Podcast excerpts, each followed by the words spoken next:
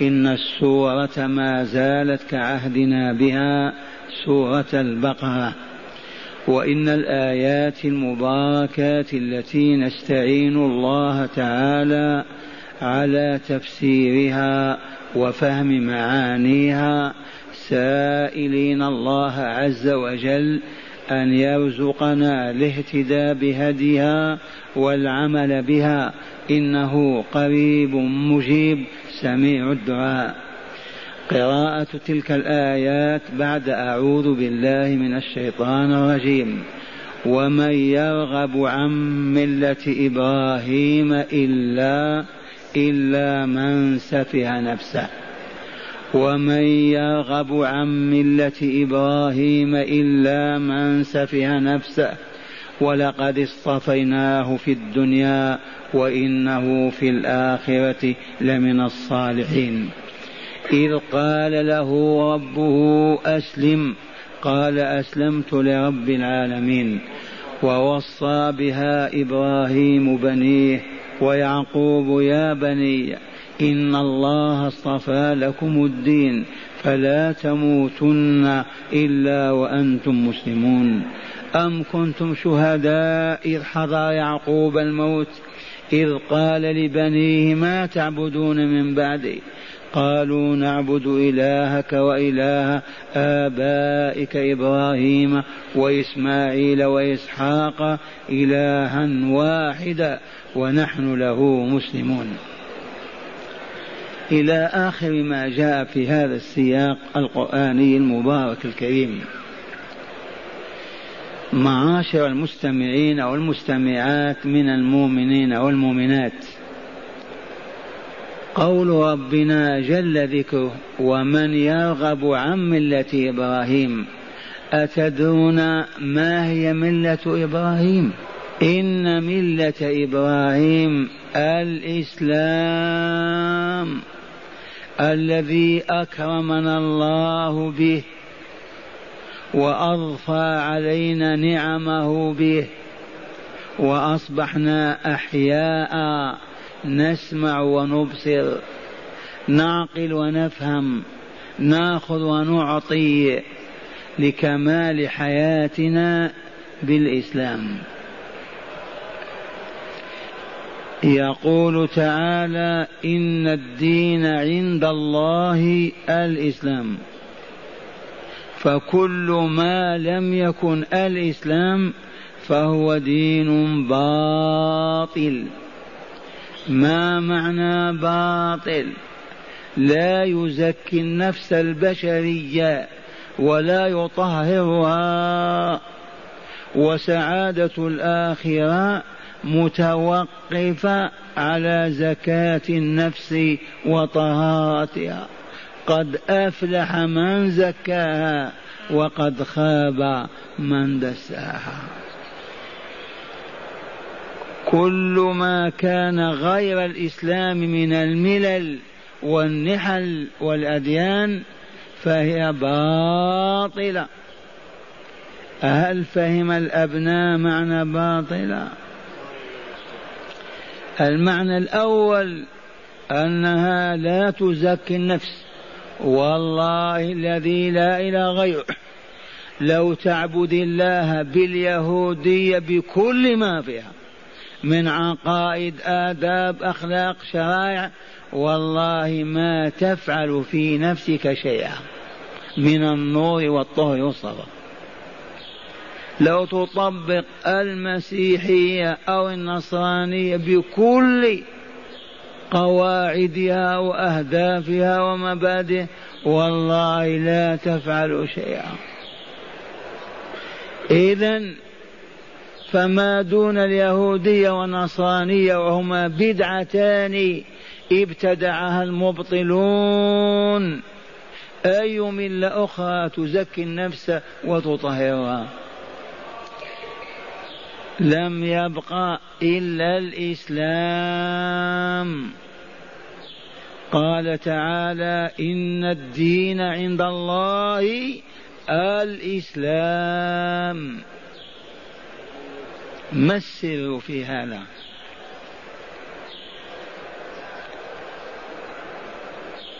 السر في هذا يا معاشر المستمعين والمستمعات أن الله تعالى الذي جعل الماء يروي الظمآن والطعام يشبع الجوعان والحديد يقطع الصلبان.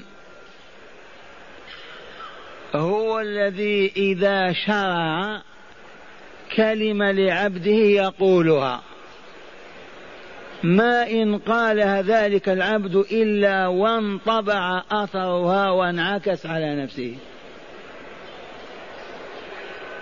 لو شرع تعالى لنا أغنية وحاشاه فتغنينا بها إيمانا به وطاعة له وانقيادا لأمره لأوجدت تلك الأغنية أثرها في نفوسنا بالتزكية والتطهير. هذا مثال. فما لم يشرعه الله من اعتقاد أو قول أو عمل هيهات هيهات أن يحدث في النفس زكاة وطهرا. من باب المحال. إذا فإذا عبد الناس الله بعبادة ما شرعها ما هي النتيجة؟ التعب فقط. أما أنها تزكي نفوسهم والله ما تزكي. النفس من شأن الله يسألونك عن الروح قل الروح من أمر ربي. هو الذي إذا شرع لها كلمة أو جري بين الصفا والمروة تحدث تلك أثرها في النفس. إليكم مثلا محسوسا. أليس هذا بيت الله؟ بلى. لو أن أحدنا قال لأطوفن لله بالمسجد النبوي سبع أشواط وأخذ يتردد من غربه إلى شرقه. والعرق والتعب وهو لا إله إلا الله لا إله إلا الله سبحان الله. هل يحدث هذا الطواف في نفسه شيئا من الزكاة أو الطهر؟ والله ولا جرام واحد. بذل جهده طاقته. الجواب هل الله شرع هذا؟ وقال وليطوفوا بمسجد رسولنا. ما يحدث شيئا. ونعود إلى واقع الحياة. شرع الله جل جلاله وعظم سلطانه في إسلامه الذي أوجده لعباده أبيضهم واصفرهم شرع قطع يد السارق. إذا سرق العاقل البالغ المكلف أما طفل صغير أو مجنون فلا شأن لهما والقصاص. سارق سارق تقطع يده. هل تنتج هذه العملية شيئا؟ الجواب تؤمن أموال المؤمنين والمؤمنات. ما إن يسرق السارق ويقام عليه حد الله فتقطع يده وتعلق عند باب المسجد. يكف كل من في قلبه رغبة في أن يسرق مال الناس. ويتحقق أمن والله ما يتحقق حتى ولو جعلت عند باب كل بيت عسكريا في يده الرشاش. لو استعملت ما استعملت من الوسائل لتأمين أموال الناس والله ما تحقق ذلك. ولن يتحقق إلا بهذا الذي وضع الله من قانون حد السرقة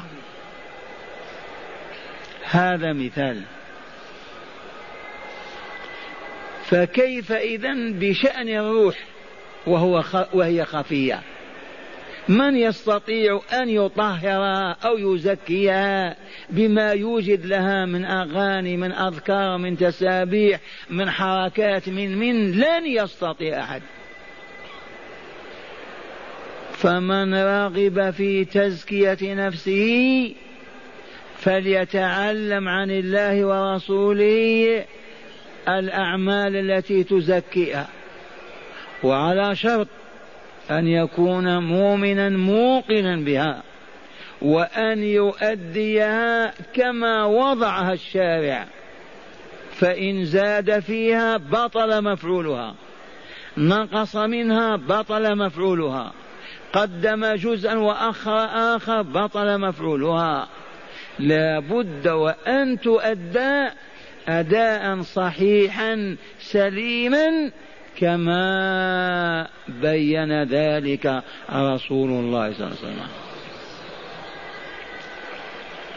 معاشر المستمعين والمستمعات هل فهمتم هذه المسألة في أذهانكم؟ لو يجتمع علماء الملة على أن يخترعوا على أن يبتدعوا لنا عبادة جديدة. وأخذنا نأتي ونفعلها. هل يمكن أن تزكي هذه العبادة أنفسنا؟ والله ما زكتها.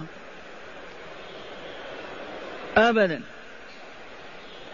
فلهذا اسمع أبا القاسم فداه أبي وأمي والعالم أجمع. يقول من أحدث في أمرنا هذا ما ليس منه فهو رد. من أحدث فيها من أحدث في أمرنا هذا ما ليس منه فهو رد. ويقول من عمل عملا ليس عليه أمرنا فهو رد. ويقول كل بدعة ضلالة. كل بدعة ضلالة. ما معنى ضلالة؟ من الضلالات. تضل صاحبها وت... وتسوقه في متاهات ولا تنتج له عملا يزكي نفسه. إذا ونعود معاشر الأبناء إلى قول ربنا ومن يرغب عن ملة إبراهيم. عرفنا هذه الملة؟ إنها والله لا الإسلام أي إسلام القلب والوجه لله. انقياد في الظاهر والباطن لله. استسلام كامل. قال صم. صمت. قال أفطر. أفطرت. قال حج حججت. قال أعط أعطيت. قال اسكت سكت. هذا هو الانقياد. هذا هو الإسلام. بحيث لم يبق لك حق في الاختيار. إن شئت فعلت وإن شئت لا هذا والله ما هو بالإسلام. فمن أسلم قلبه لله فأصبح قلبه لا يتقلب إلا في طلب رضا الله. هذا همه. وأسلم وجهه فلا يرى إلا الله حيث وجهه يتجه. قال نم ينام قال قم يقوم أليس هذا شأن المؤمن المسلم؟ هذا هو المسلم. من يرغب عن ملة إبراهيم لا أحد. اللهم إلا من جهل قدر نفسه. ما عرف لنفسه قيمة ولا قدر. هذا يرغب عن ملة إبراهيم ويطلب ملة الشيطان والشياطين. ما زلت أقول للسامعين والسامعات إن ملة إبراهيم هي الإسلام. وهو دين الله في الأولين والآخرين.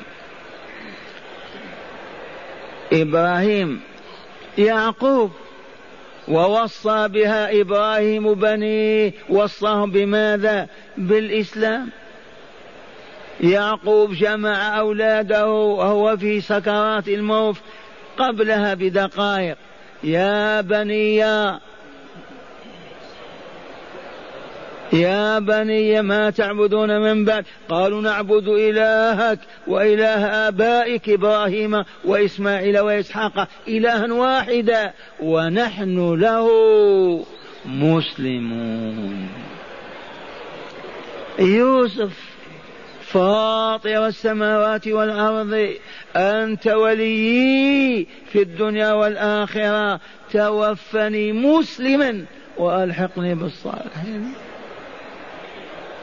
نوح عليه السلام افهموا والله ما وجد نبي ولا ولي ولا عبد صالح إلا ويسأل الله الوفاة على الإسلام. إذا رغب اليهود والنصارى حيث ابتدعوا اليهودية والنصرانية ورغبوا بذلك عن ملة إبراهيم. كيف ترونهم سفهاء وإلا رشداء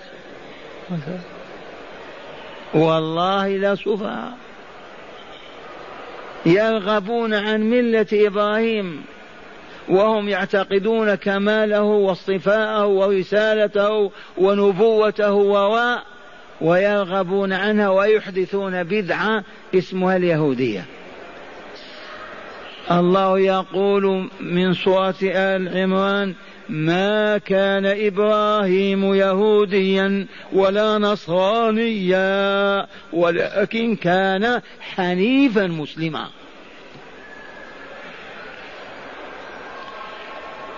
إذا هل بينكم من يرغب عن ملة إبراهيم؟ أعوذ بالله أعوذ بالله لو نعطى الدنيا بما فيها. والله ما رغبنا عن ملة إبراهيم. ما هذه الملة؟ إنها الحنيفية المسلمة الطاهرة. هي معنى لا إله إلا الله. لا عيسى ولا مريم ولا ولا ولا ولا العزير ولا فلان ولا فلان. ما هو إلا الله الواحد الأحد. وهكذا ندخل في رحمة الله بكلمة أشهد أن لا إله إلا الله. على علم والله على علم إنه لا يوجد في العالمين من يستحق أن يركع له ويسجد أبدا إلا الله. إن وجدنا في العالم من يخلق من لا شيء ويرزق من خلق ويدبر حياة المخلوقين. إن وجدتم من هذا وصفه فاعبدوا وهل نجد كل الخليقة مخلوقة مربوبة والله أدار فكيف يعبد مخلوق مع خالق مربوب مع الرب؟ إذا كيف وجد الكفر لأن الشياطين تدعو إلى ذلك. الشياطين هي التي تدعو إلى الكفر بالله ولقائه. إذا فلنحمد الله أننا والله لا نرغب عن ملة إبراهيم. لا نرضى بملة من الملل ولا بنحلة من النحل. معنا لا إله إلا الله. إذا ومن يرغب عن ملة إبراهيم إلا من سفه نفسه. ثم قال تعالى ولقد اصطفيناه في الدنيا. من هو هذا الذي اصطفى إبراهيم؟ الله جل جلاله. هو المخبر عن نفسه ولقد اصطفيناه في الدنيا. ما معنى اصطفيناه؟ انتقاه اجتباه اختاره صفاه. كان العالم يفيض بالشرك والباطل. يعبدون الكواكب يعبدون الأبقار يعبدون النجوم يعبدون التماثيل التي نحتوها وصوروها وإبراهيم اصطفاه من تلك الأمة العريقة في الشر والباطل. واجتباه واختاره وصفاه وأصبح وليه الحق. وأوحى إليه شرعه وبعثه إلى الخليقة يدعوها إلى لا إله إلا الله إبراهيم رسول الله. من اصطفى إبراهيم؟ الله جل جلاله. اصطفيناه في الدنيا وفي الآخرة كيف حاله؟ وإنه في الآخرة لمن الصالحين. ما معنى الآخرة يا شيخ؟ الحياة الآخرة. وهل هناك حياة أولى؟ هذه التي نعيشها وتحياها الخليقة. ذي حياة وإلا موت؟ حياة. فيها سمع وبصر وطعام وشراب ونكاح ولباس. حياة وإلا لا؟ إذا وتنتهي أو لا؟ تنتهي. شاهد يوميا الملايين تحت التراب. هذه الحياة الأولى والحياة الآخرة. يحذف لفظ الحياة ويكتفى بالآخرة. معروفة. وإنه في الآخرة لمن الصالحين. منهم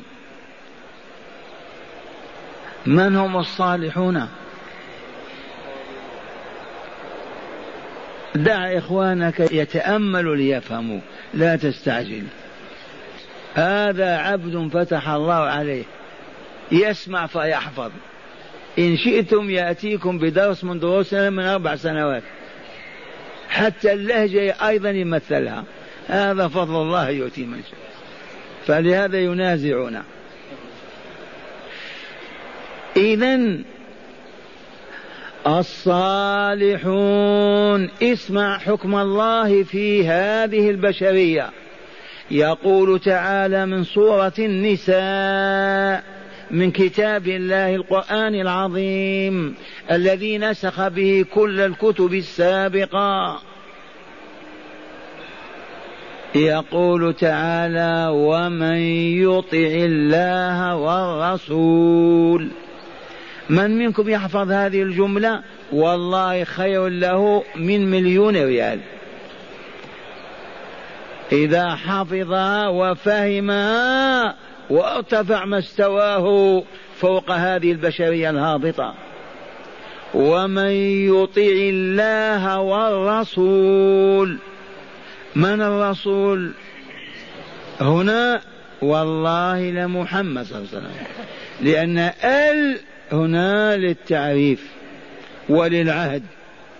ومن يطع الله والرسول فأولئك أي المطيعون. لأن من؟ من ألفاظ العموم. أبيض أسود عربي عجمي في أي جنس. من؟ ومن يطع الله والرسول فأولئك أي المطيعون مع الذين أنعم الله عليهم معهم لم يخرج منهم أبدا في زمرتهم مع الذين أنعم الله عليهم. القاموس أنعم عليهم بالذرية والأولاد بالأموال بالجاه العريض الطويل. أنعم عليهم بالشرف أنعم عليهم بالبترول بالصناعة. أنعم عليهم بماذا لا تقل بدون حفظ. أنعم عليهم بنعمة الإسلام. أسلموا قلوبهم ووجوههم لله. تلك هي النعمة ونحن نقول في كل ركعة إياك نعبد وإياك نستعين. اهدنا الصراط المستقيم صراط الذين أنعمت عليهم. عرفتم هذه النعمة؟ بدأنا الدرس بها. هل هناك نعمة أعظم من نعمة الإسلام؟ البشرية تعبد الشياطين والأهواء والفروج. والدنيا والتكالب وأنت تعبد الرحمن الذي لا إله إلا هو. أية نعمة أعظم من هذه؟ البشرية تعيش في الخبث والنجس وأنت طاهر نقي صافي. ظاهرك كباطنك. أية نعمة أكثر من هذه؟ مع الذين أنعم الله عليهم بالإسلام وهو إيمان وإحسان. عاف الأبناء والإخوان هذه النعمة. فأولئك مع الذين أنعم الله عليهم. ثم بين لنا مواكب هذه النعم. قال من النبيين. هذا موكب. والصديقين. موكب ثاني. والشهداء. موكب ثالث. والصالحين. موكب رابع سبحان الله من حيث الظاهر أفضلهم النبيون. يليهم الصديقون. فالمرتبة الثالثة الشهداء والرابعة الصالحون. والله ما كان نبيا إلا صالحا.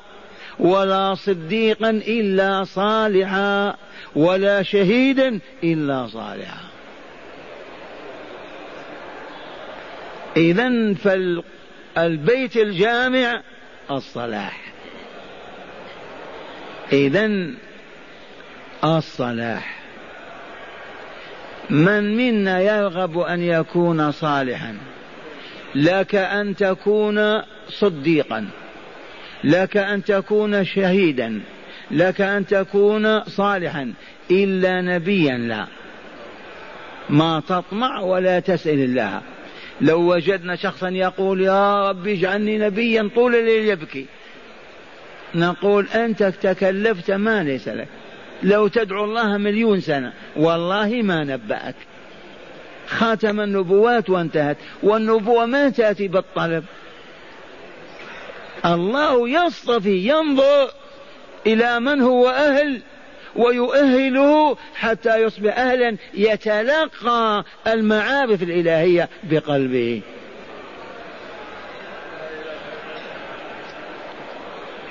إذا من منكم يرغب أن يكون صديقا؟ أين أبو بكر؟ ما حضر. من يريد أن يكون صديقا؟ كلنا ذاك. إذا فإليكم تعاليم الرسول صلى الله عليه وسلم. من الليلة فقط اعزم وصمم وتوكل على الله. ما يمضي عليك زمن لا أدري كم إلا وأنت مسجل في ديوان الصديقين. ونشاهد ذلك فيك أيضا. اسمع الرسول الكريم يقول صلى الله عليه وسلم. عليكم يخاطب من؟ أمة الإسلام الأمة الحية التي تسمع وتبصر الكافر الميتة المشركة عليكم بالصدق أي إلزموا وحافظوا عليه. والصدق يكون في القول والعمل. والاعتقاد. ما هو في القول فقط؟ وإن كان الظاهر صدق فلان في قوله وصدق في عمله عليكم بالصدق فإن الصدق يهدي إلى البر. يقود يسوق إلى البر والبر الخير كله. كلمة جامعة لا يوجد خير يخرج عن كلمة بر. لقول الله تعالى لن تنالوا البر حتى تنفقوا مما تحبون. عليكم بالصدق. هذا رسول الله يقول لنا. عليكم بالصدق. الزموه حافظوا عليه. تحرروا. إياكم والكذب. فإن الصدق يهدي إلى البر وإن البر يهدي إلى الجنة. وإن البر يهدي إلى الجنة. تفهمون معنى يهدي؟ لما أقول لك أين بيت فلان تعال وصلك إليها. هذا هداني ولا لا؟ هذا معنى الهداية البر يهدي إلى الجنة. ولا يزال المرء يصدق ويتحرى الصدق حتى يكتب عند الله صديقا. بدأتم من كم سنة؟ أو من الليلة؟ لا شك أن فيكم من بدأوا من زمان ومن من بدأ أمس. أو غدا الموكب ماشي ما يرد أحد. عليكم بالصدق إلزموا. فإن الصدق يهدي إلى البر وإن البر يهدي إلى الجنة قطعا. ولا يزال المرء ذكرا أو أنثى يصدق ويتحرى الصدق يتبع يطلبه. تبهتم ويبحث عنه حتى يكتب عند الله صديقا. أصبح في الموكب الثاني وإلا لا؟ بعد النبيين. من يريد منكم أن يكون شهيد في الشهداء؟ هذه. اللهم اجعله منهم. هذا طماع مثلي. اللهم اجعلنا وإياك منهم. سمعتم من يريد أن يكون شهيدا؟ هذا المقام مقام سامي ولكن باب الله مفتوح. اولا انوي في قلبك صادق النية أنه إذا قام جهاد تحت راية لا إله إلا الله محمد رسول الله تحت بيعة مؤمن رباني يقود الأمة إلى صفاء الحياة وطهارتها أنك ترمي بنفسك. هذه النية أكدها. ما إن نادى منادي أن لا إله إلا الله محمد رسول الله أن جاهدوا عباد الله لإنقاذ البشرية وتطهيرها وتصفيتها إلا وأنت معه. ثانيا اسأل الله تعالى الشهادة في صدق. كلما دعوت الله قل اللهم اجعلني شهيدا. اللهم اكتب لي شهادة في سبيلك. اللهم اجعلني من الشهداء. اللهم ارزقني شهادة في سبيلك. عمر ما كان يسأل هذا؟ من عجيب عمر. كان يقول اللهم إني أسألك موتة في بلد رسولك وشهادة في سبيلك. فتعجب بنيته أمي. من هي؟ حفصة بنت عمر. كيف يا عمر؟ كيف يا أبتاه؟ تسأل الله الشهادة وتموت في المدينة؟ المدينة مدينة الآن إسلام. كيف تحصل على شهادة في هذا؟ يقول لا اسكتي يا بنياتي. فضل الله عظيم واسع. واستجاب الله لعمر. وطعن طعن نجلاء. وهو في محراب رسول الله. يصلي بالمؤمنين بين يدي الله. أية شهادة أعظم من هذه؟ من طعنه مجوسي من عبدة النار.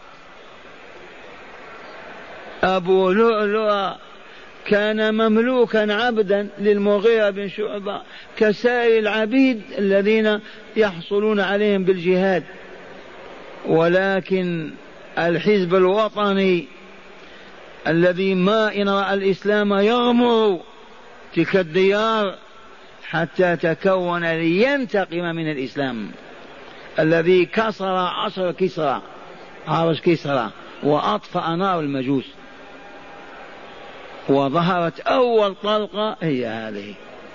وما زال ذلك الحزب يعمل إلى الآن. إذا سبحان الله عمر يقول رب أسألك شهادة في سبيل وموت في بلد رسول. كيف يتحقق هذا؟ تحقق وإلا لا؟ تحقق اليوم رضي الله عنه وأرضاه. إذا فمن سأل الله في صدق الشهادة يقول الرسول صلى الله عليه وسلم بلغه الله منازل الشهداء ولو مات على فراشه. الصدق فقط. أولا النية إذا نادى منادي إمام المسلمين أن حي على الجهاد ارتمي فيها. ما نادى منادي ما جاء جهاد حق كما هو واقع اليوم. أنت ابقى على نيتك. واسأل الله أن يكتبك في عداد الشهداء. مع هذه النية وهذا العزم ولو مت على فراشك أنت من المج... من الشهداء. إذا هذه إن شاء الله حصلنا عليها. كالأولى. الثالثة والأخيرة. نريد أن نكون من الصالحين. الذين نسلم عليهم كل ما نصلي. السلام علينا وعلى عباد الله الصالحين. السلام علينا وعلى عباد الله الصالحين. كل ركعتين ولا لا؟ طول الحياة. وهذا اللفظ يشمل كل صالح في الأرض والسماء. ولا يشمل الفاسد والمفسدين في الأرض أو في السماء. وهل في السماء مفسدون الشياطين؟ كيف نكون صالحين يا شيخ؟ هذه صعبة. لا أبدا. هذه أسهل. وهي أنك تؤدي حقوق الله وافية. ما تبخس الله ولا تنقص حقا من حقوقه وهي أن تعبده وحده لا شريك له. هذا حق الله ولا لا؟ أن يعبد وحده بما شرع من أنواع العبادات. هذا حق الله. ثانيا حق عباد الله. فلا تبخس مرتك حقها ولا ابنك ولا آباك ولا قريبك ولا بعيدك ولا أي إنسان أبيض أسود كافر مؤمن لا تنقص حقه. تؤدي حقوق العباد وافعة. لا تنقص منها شيئا. بذلك أنت في ديوان الصالحين.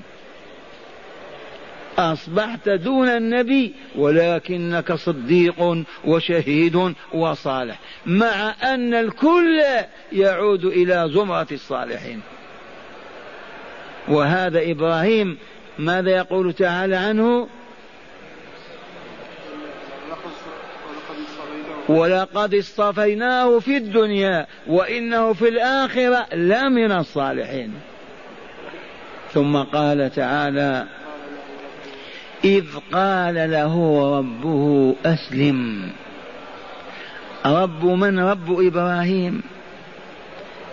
هو الذي قال أسلم. إيه نعم. تذكرون تلك المناورة؟ ولا أقول مناورة ولكن أقول تربية ربانية. من سورة الأنعام يقول تعالى وإذ قال إبراهيم لأبيه آزر اذكر يا رسولنا اذكر أيها المؤمن هذه الحادثة الجليلة إذ قال إبراهيم لأبيه آزر لأبيه أو عمه أبيه العجيب يوجد من المفسرين من يقولون أبوه ويستسيغون هذا نقلا عن أهل الكتاب. يقولون عمه الله يقول أبوه أن تقول عمه ما يستحي العبد أن يقول هذا؟ حتى لو عرفت أنه عمه. ما دام الله قال أبوه تخالف قول الله أعوذ بالله. وإذ قال إبراهيم لأبيه آزر أتتخذ أصناما آلهة؟ يعتب عليه. يوبخه يؤدبه ينكر عليه هذا الاستفهام. أتتخذ أصناما آلهة تعبدها؟ إني أراك وقومك في ضلال مبين. هذه كلمة إبراهيم. بعد اصطفاء الله له. إني أراك وقومك في ضلال مبين.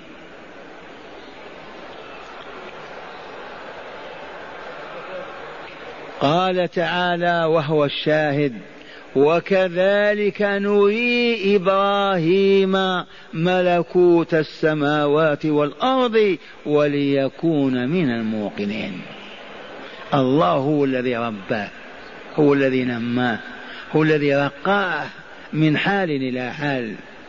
وكذلك نري إبراهيم ملكوت السماوات والأرض وليكون من الموقنين.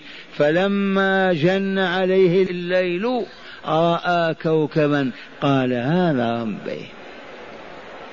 فلما جن عليه الليل غطاه بظلامه قال رأى كوكبا سواء الزهر وإلى المريخ والا كوكب مشرق. قال هذا ربي. أفل غاب. قال لا أحب الآفلين. كيف ربي يغيب؟ ما أريده. فلما رأى القمر بازغا طلع القمر. قال هذا ربي هذا أكبر.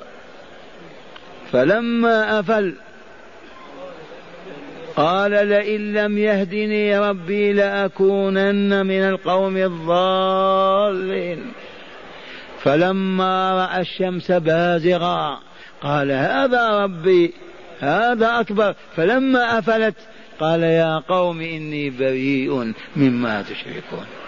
إني وجهت وجهي للذي فطر السماوات والأرض حنيفا وما أنا من المشركين. هكذا رباه ربه وترقى به. انتهى إلى الحقيقة. إذا إذ قال له رب أسلم قال أسلمت لرب العالمين. أسلم ماذا؟ شاة وإلا بعير؟ أو أمانة ودرهم ودنانير؟ أسلم قلبه لله ووجهه.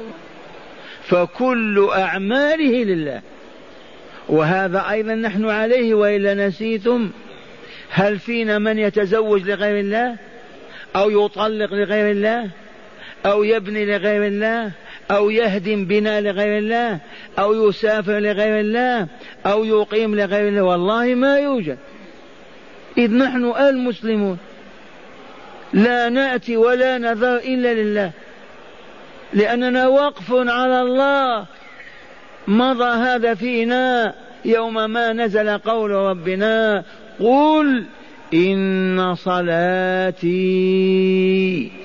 ونسكي ومحياي ومماتي لله رب العالمين. لا شريك له وبذلك أمرت وأنا من أول المسلمين.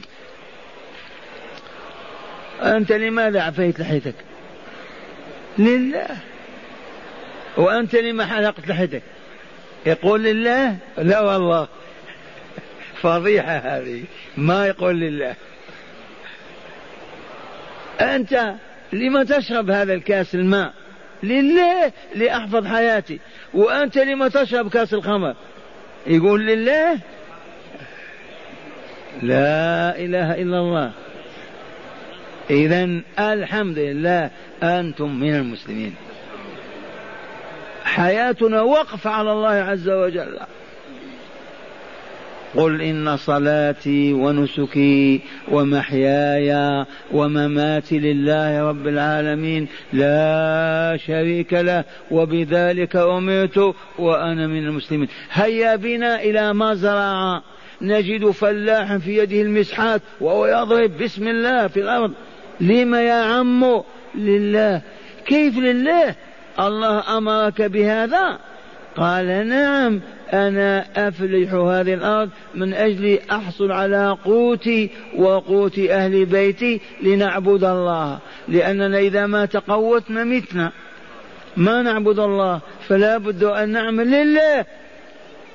وهكذا ذو الصناعة في صناعتي وكل مؤمن عرف اولا عرف فإن حياته كلها وقف على الله عز وجل. والذي أبعد المؤمنين والمؤمنات عن هذا الطريق لأنهم ما عرفوا. والله ما عرفوا. أما من عرف شرف وأخذ في طريق الهداية فما أحوجنا إلى العلم. عدنا من حيث بدأنا وإلا لا. ما أحوجنا إلى العلم. وهذه دعوة إبراهيم بالأمس ربنا وابعث فيهم رسولا منهم يفعل معهم ماذا؟ يوفي لهم الخبز واللحم والمرق.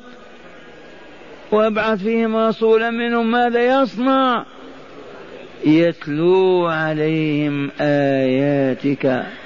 ويعلمهم الكتاب والحكمة ويزكيهم. إنك أنت العزيز الحكيم.